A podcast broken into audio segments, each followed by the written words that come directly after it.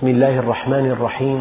الحمد لله رب العالمين والصلاة والسلام على سيدنا محمد الصادق الوعد الأمين.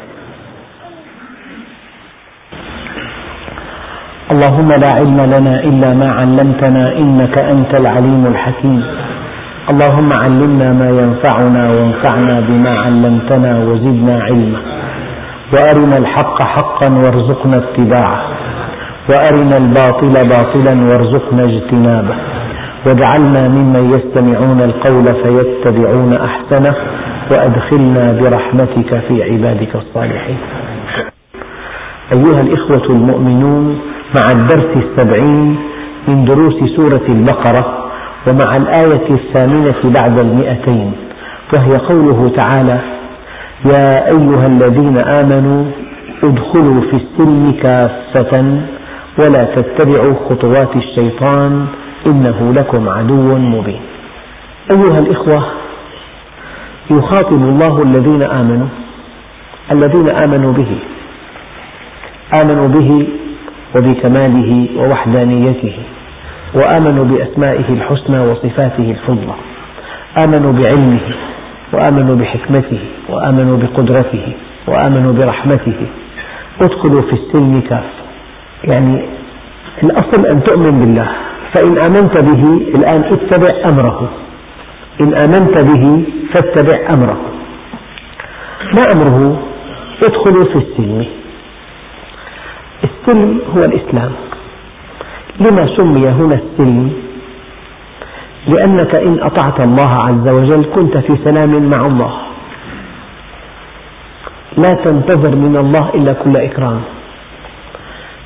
يجعل الله لك نعم الدنيا متصلة بنعم الآخرة. إذا كنت مطيعا لله فأنت معه في سلام. لأن كل المعاصي والآثام هي سبب المصائب والآلام. فإذا كنت مع الله في سلام فأنت في حصن حصين وأنت في سلام. إن أطعته فأنت في سلام. إن أطعت الله عز وجل كنت في سلام مع نفسك السلم هنا السلام يعني في سلام مع نفسك. النفس جبلت على طاعة الله والقرب منه. إن أطعت الله عز وجل ارتاحت نفسك وأراحتك. وإن عصيت الله أتعبتها وأتعبتك. أكثر الأمراض النفسية والعقد النفسية بسبب خروج الإنسان على فطرته عن فطرته. إذا أراد الله من الإسلام أن يكون سلما لأنك إن أسلمت حقيقة أنت في سلام مع الله وفي سلام مع نفسك. الآن في سلام مع من حولك. المطيع يحبه كل من حوله. المطيع وقاف عند حقوقه لا يأخذ ما ليس له وقاصر عند حقوق الآخرين. فكل إنسان مسلم كل من حوله يحبه كل من حوله يتمنى القرب منه. كل من حوله يثني عليه كل من حوله يحاول أن يخدمه. أنه أخذ ما له وترك ما ليس له. هلا هذا الحد الأدنى العدل. أما الإحسان المؤمن محسن والإحسان يصدر بالقلب. يا داود ذكر عبادي بإحساني إليهم فإن النفوس جبلت على حب من أحسن إليها وبغض من أساء إليها. نقطة دقيقة. هو أن الإنسان حينما يستقيم على أمر الله يعيش حالة السلم حالة السلم أي حالة السلام مع كل المخلوقات. يعني الشجرة تسبح الله عز وجل بقول الله عز وجل وإن من شيء إلا يسبح بحمده هي مسبحة لله فإذا كنت أنت مع الله كنت في سلام معها. النخلة كان عليه الصلاة والسلام يخطب من على المنبر ويضع يده على جذع النخلة يعني إكراما لها. في سلام مع المخلوقات. أعرف حجرا بمكة كان يسلم علي وأسلم عليه حتى الجمادات نفوس. قال تعالى وإن من شيء إلا يسبح بحمده ولكن لا تفقهون تسبيحهم. قال النبي عليه الصلاة والسلام لحنظلة لو بقيتم على الحال التي أنتم عليها عندي لصافحتكم الملائكة ولا زارتكم في بيوتكم. يعني الإنسان لما يكون مع الله عز وجل بنشأ عنده حالة الشفافية كأنه يحس على الحيوانات مشاعره يحس على النبات شعوره. في سلام مع النبات مع الحيوان مع الجماد. في سلام مع نفسه مع جيرانه مع أقربائه. حتى مع عدوه في منهج يحكمه ما في تطاول ما في عدوان في حرب شريفة بس ما في تنكيل ما في تمثيل ما في كيد الصاع عشرة. فيعني الله عز وجل لحكمة أرادها الله عز وجل سمى الإسلام سلما سلم. بمطلق معاني هذه الكلمة. سلم مع الله مع النفس مع الأهل مع الأولاد مع الجيران مع المؤمنين. مع الناس كافة مع المخلوقات مع الجماد مع النبات مع الحيوان. المخلوقات غير المكلفة. مسبحة لله عز وجل. فإذا كنت مع الله أنت كنت صديقا لها. أما المؤمن حينما يموت تبكي عليه السماء والأرض بينما الكافر ما بكت عليهم السماء والأرض. معنى السماء نفوس لها مشاعر. والأرض نفوس لها مشاعر. فإذا كنت أنت مع الله كنت في وئام وانسجام مع بقية المخلوقات. هذه الوحدة أن أنت متناغم مع كل المخلوقات. ما لك عدو؟ كلها مخلوقات مسبحة لله عز وجل. وأنت مع الله. إذا في انسجام المؤمن صديق النبات صديق الحيوان إذا قتلوا ليأكلوا لا يعذبوه إذا ذبحتم فأحسنوا الذبح. وليحب أحدكم شفرته ويريح ذبيحته. النبي عليه الصلاة والسلام ما قبل أن تذبح شاة أمام أختها قال له هلا هلا حجبتها عن أختها؟ أتريد أن تميتها مرتين؟ قضية دقيقة جدا. الله عز وجل سمى الإسلام سلما سلم. أنت حينما تنصاع لله عز وجل ترتاح نفسك وتريحك. يرتاح من حولك ويريحونك. أسأل زوجة زوجة كان شارد ثم تاب إلى الله. تقول أنا 180 درجة. أخلاقه رضية صارت عنده رحمة. صار منطقي صار واقعي صار يحترمني يريحني لم يكن كان وحش. كان في خصومة مع زوجته فصار في سن معها. الإنسان التاجر لما يسترح مع الله عز وجل يحبه كل من حوله. كان أماني. كان وصولي كان مادي كان يكذب يحتال ليربح الآن يأخذ ما له ويدع ما ليس له. يعني ما في كلمة أروع لتعبر عن الإسلام من كلمة السلم. يا أيها الذين آمنوا ادخلوا في السلم. كن مسلم. ممكن تعذب سمكة؟ مشان الآن اصطدت. لابد من أن تجد جنوبها ترتاح. بعد إذن تنزع أحشاءها. أنا مرة شاهدت إنسان يذبح الدجاجة بعد أن يذبحها مباشرة يغمسها في ماء يغلي لينزع ريشها بسهولة ولا تزال حية. عدو للدجاج عدو للحيوان عدو للطبيعة. وما يجري من تلويث للطبيعة الكفر الكفر سبب هذه البيئة الملوثة. في رغبة جامحة بتجميع أموال الأرض كلها. إذا قضية النمو والصناعة هذه كلها على حساب بقاء الجو. لما صار في غاز فحم بكميات أكبر من مما ينبغي ارتفعت الحرارة وتبدلت خطوط المطر. صار في تبدل جذري بالمناخ الآن. عم تلاحظوا شيء غير طبيعي. رياح عاتية اجتاحت أوروبا. سرعتها عالية جدا. نفت شطرتها شطرين في اسطنبول في البوسفور. يعني أشجار عملاقة اقتلعت من جذورها. صور الدمار الذي أصاب أوروبا في هذه الرياح العاتية يفوق حد الخيال. أمطار بفنزويلا. قتلت مئة ألف إنسان وشردت مئتي ألف. مدن بأكملها غمرت بالأوحال في فنزويلا. هنا جفاف منقطع النظير دنيا عشرين درجة حرارة. في أيام الشتاء القارس في أيام الثلوج والأمطار والبرد والمدافئ والمعاصف جو ربيع جو صيف. ففي تخريب بالبيئة أنه الإنسان لوث البيئة بصناعته لوث حتى الفضاء الخارجي ملوث بهذه الإرساليات التي تملأ الفضاء الخارجي الجو ملوث. يعني هناك من يقول أن الجو العام بهذه الشحنات الكهروطيسية صار جو غير سليم. فقضية تدخلوا في السلم يعني السلم هو الإسلام. أنت إن أسلمت فأنت في سلم. مع كل الأطراف يعني أجمل الحياة أن تكون على وئام وود مع كل من حولك. الشجرة أحيانا تقطعها بلا سبب فتلعنك. إنسان يبول في أصل شجرة تلعنه الشجرة. ليس, ليس أصلها مكان البول مثلا.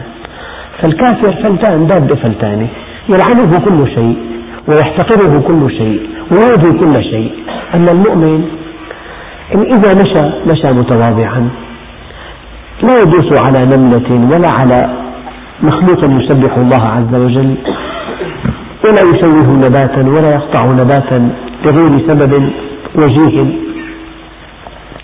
الذي أريد أن أقوله لما ربنا عز وجل قال يا أيها الذين آمنوا ادخلوا في السلم يعني ادخلوا في الإسلام الذي هو سلم مطلق. سلم مع كل الجهات الكون متناغم الكون مسير وكله مسبح لله عز وجل. الكون متناغم ومسبح لله عز وجل. فأنت حينما تسلم أنت تتناغم مع الكون. يعني أنت صرت يعني لبنة في بناء شامخ مو نظم لبن تضع لبنة في بناء متممة للبناء بين أن يكون الإنسان قنبلة تفجر من حوله. الكافر قنبلة مدمر. هلا حتى في صناعته حتى في قضية إنتاج الكهرباء من الذرة صار في تلوث إشعاعي شيء مخيف. كل شيء يعني يأتينا من بلاد صار فيها انفجار ببعض المحطات النووية ملوث الحليب ملوث الخضار ملوثة الفواكه ملوثة لحم الدجاج ملوث الخرفان ملوثة. تلوث إشعاعي يسبب السرطان. فالكافر أفسد الحياة الدنيا. أفسدها أفسد الأجواء. شوه طبيعة الإنسان أفسد نقاء الإنسان أفسد الأطفال. فالسلم يعني سلام.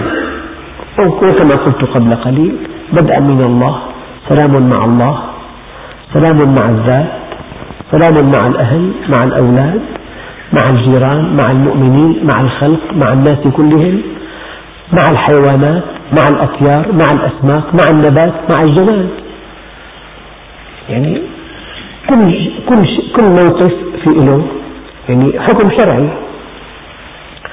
مثلا صياد ذهب ليصطاد هواية فقتل مئات الطيور ثم ألقاها في الطريق. وناس كثيرون يذهبون إلى البادية في أيام الصيد يصطادون كهواية. وهذا الذي اصطادوه لا يأكلونه يلقونه في الطريق. ماذا يقول يأتي هذا الطائر يوم القيامة وله دوي تحت, تحت العرش؟ يقول يا رب سله لما قتلني. المؤمن قد, قد يصطاد طائرا ليأكله في سفر وهو مضطر أن يأكله. فحينما يصطاد الطائر ويؤكل له عمل صار الطائر قدم له خدمة أنقذك من الموت أما قتلته وألقيته في الطريق.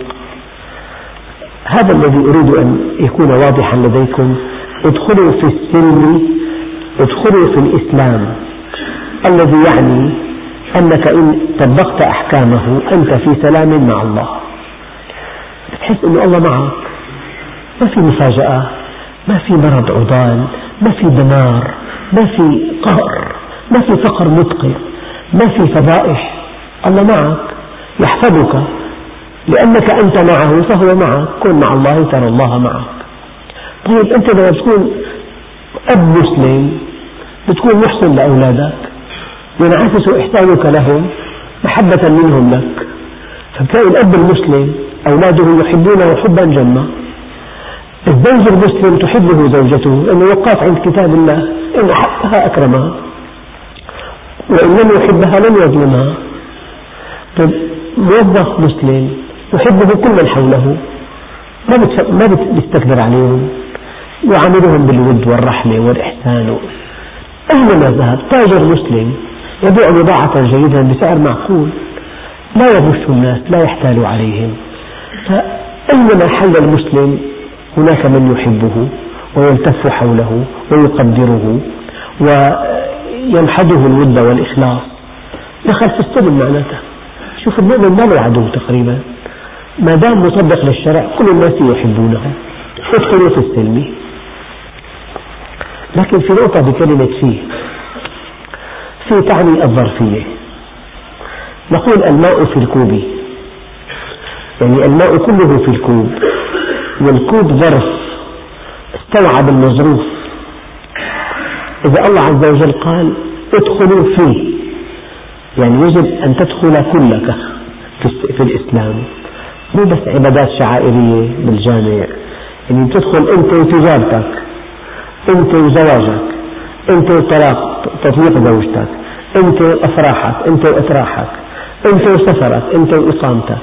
يعني أنت ككيان بكل حركاتك وسكناتك ونشاطاتك وجوانب شخصيتك ضمن الإسلام. ما لك نزعات نافرة ما لك أشياء خارجة عن الإسلام لك أفكار غير صحيحة شاذة. لك سلوك شاذ لك تصرفات شاذة ادخلوا فيه. يعني دخلنا الماء بالكأس. فالكأس استوعب الماء كله. ما في ماء خارج الكأس. كلمة فيه تعني شيء ضمن شيء. الطلاب في الصف. يعني جميع الطلاب في قاعة الصف. الإخوة الكرام في المسجد. كلهم في المسجد. توعدهم المسجد. فإذا أنت دخلت في الإسلام يعني أخذت فيه العبادات أخذت منه أو طبقت فيه العبادات الشعائرية والعبادات التعاملية وطبقت عملك في الإسلام وتجارتك. هي ادخلوا فيه. أما في إنسان ربعه ضمن الإسلام وثلاث أرباعه خارج الإسلام. سفره غير إسلامي بيته غير إسلامي عمله غير إسلامي دخله غير إسلامي إنفاقه غير إسلامي. استثماره المال غير إسلامي. لا في الفندق عم يعطي أرباح طائلة. فندق خمس نجوم كله معاصي وآثام طبعا في أرباح طائلة. فأنت جزء من مالك مستثمر بطريقة غير مشروع مثلا. هذا مو كلك في الإسلام. ما دخلت الإسلام كلك. في قسم ما دخل فيه الإسلام. جزء من دخلك غير إسلامي. وجزء من لهوك غير إسلامي. وجزء من علاقاتك الاجتماعية غير إسلامي. معنى أنت ما دخلت في الإسلام. بقي بعضك خارج الإسلام. أما الآية ادخلوا في السلم كلك ضد الإسلام. بتفكيرك وبعقيدتك وبلهوك وبمرحك وبجدك وبحزنك وبفرحك وبتجارتك وبإقامتك وبسفرك وبعلاقاتك وبعطائك وبمنعك وبصلتك وبقطيعتك وبغضبك وبرضاك. كلك بالإسلام. تطبق منهج الله عز وجل. هذا ما يدخل في السلم السلم ظرف وأنت مظروف. فالظرف يجب أن يستوعب المظروف كلك ضمن الإسلام. النقطة الدقيقة أيها الإخوة؟ أن الله عز وجل سمى الإسلام سلم سماه سلم. ما في أجمل من حالة السلم؟ مرتاح. هلا إذا كان شركة فيها مشاكسة الحياة فيها جحيم بصير. أما إذا كان فيها ود فيها تفاهم فيها تسامح فيها تكافؤ تلاقي في راحة نفسية. أجمل بيت بيت المسلم الشرع مطبق في البيت. الزوجة لها حقوق وعليها واجبات والزوج كذلك والابن له منهج. هذا معنى قول الله عز وجل ادخلوا في السلم. يعني أنت ببيتك وبعملك وبلهوك وفرحك.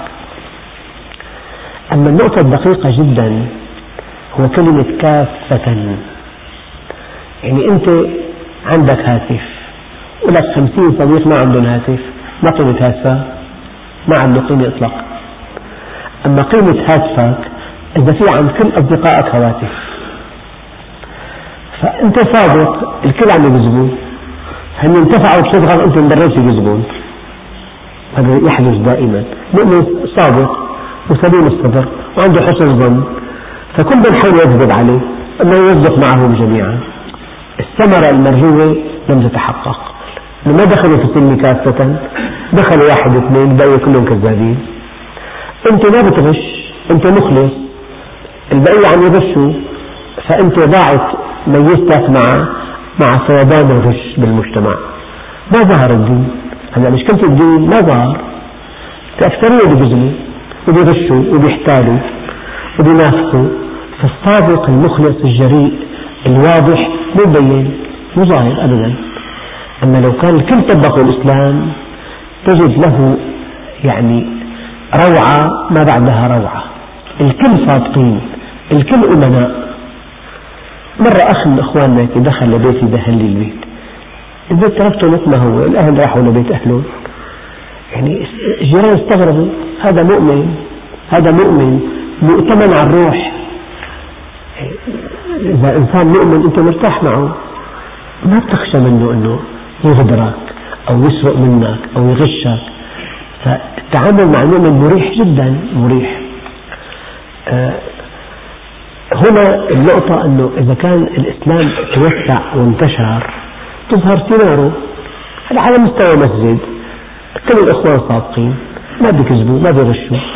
أعفة مثلا تلاقي لقاءات ممتعة في سعادة في ثقة مريحة جدا حتى في التعامل التجاري مريح. ما في كذب ما في احتيال ما في غش ما في غدر ما في قنص هلا الناس كل واحد بهم لا تدري متى ينفجر. بحطم من حوله. أما المؤمن مسالم بيعيش له 30 سنة ما أحد يشكو منه شيء. ما في له قضية بمخفر إطلاقا. عرفان الحدود وقاف عند كتاب الله يعلم ما له وما عليه. هي أول نقطة ادخلوا في السلم كافة تعود كافة على المؤمنين.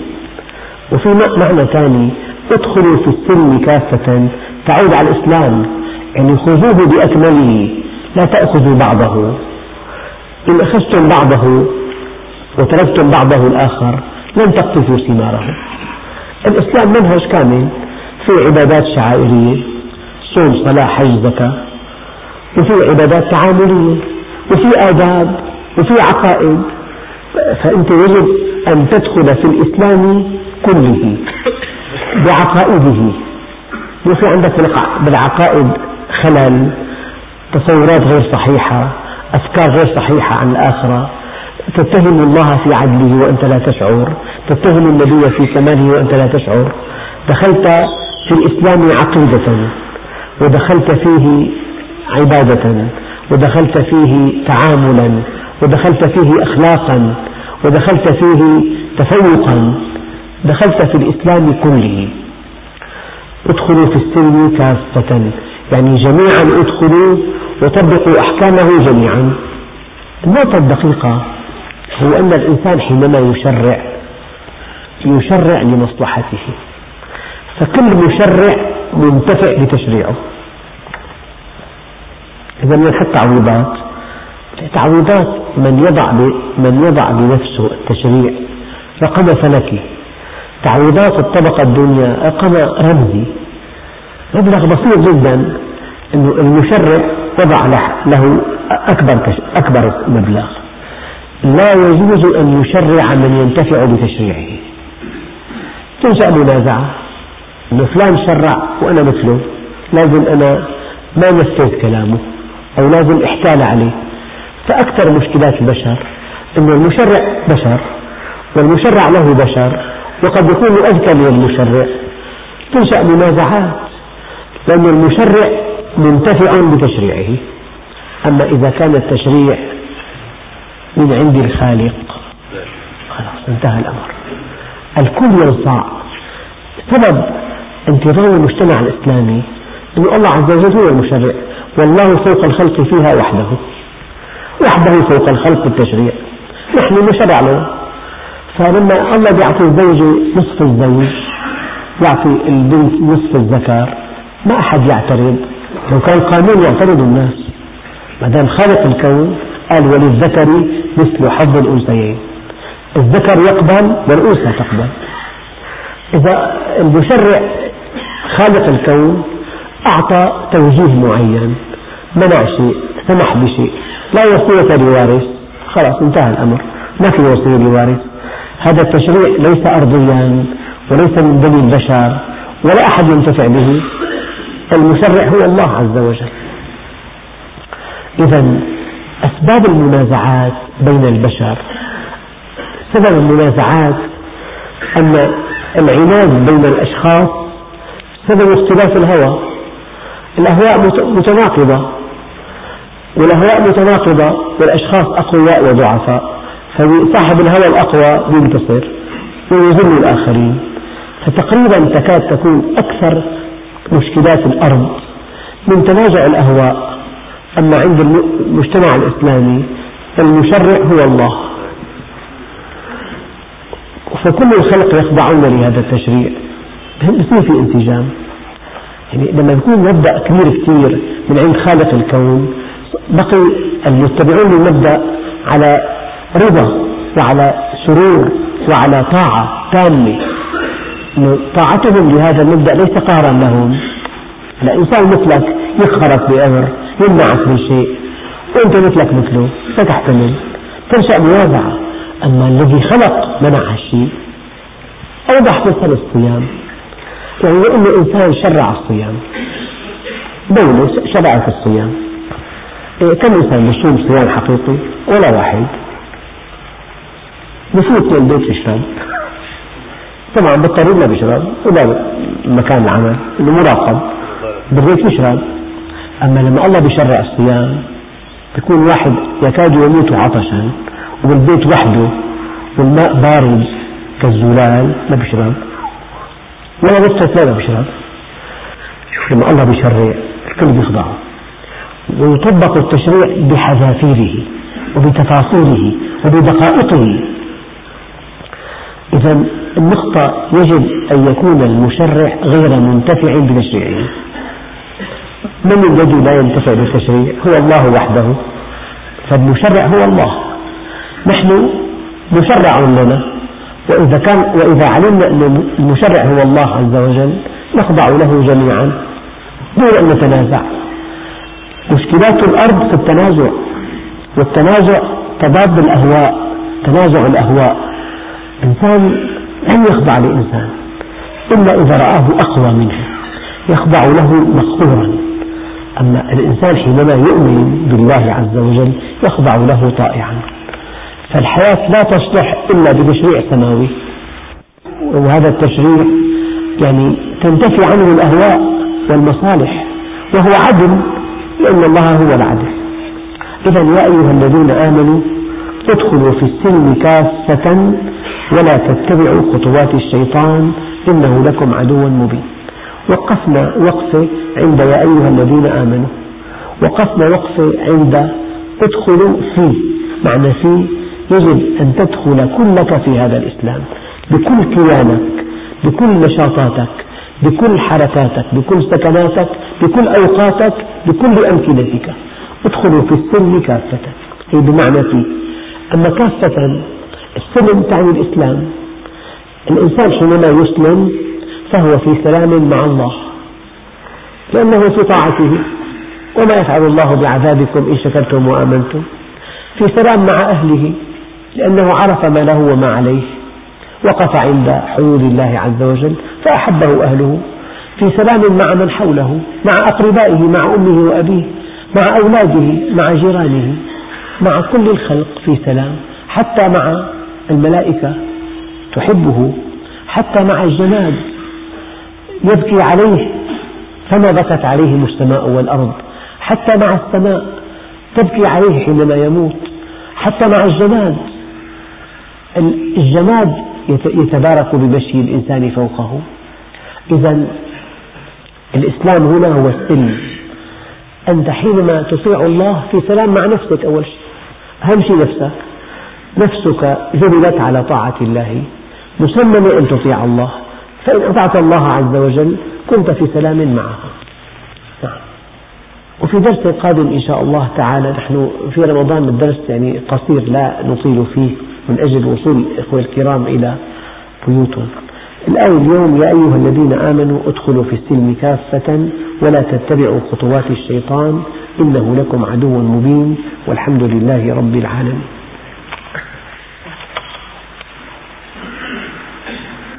الحمد لله رب العالمين والصلاة والسلام على سيدنا محمد الصادق الوعد الأمين.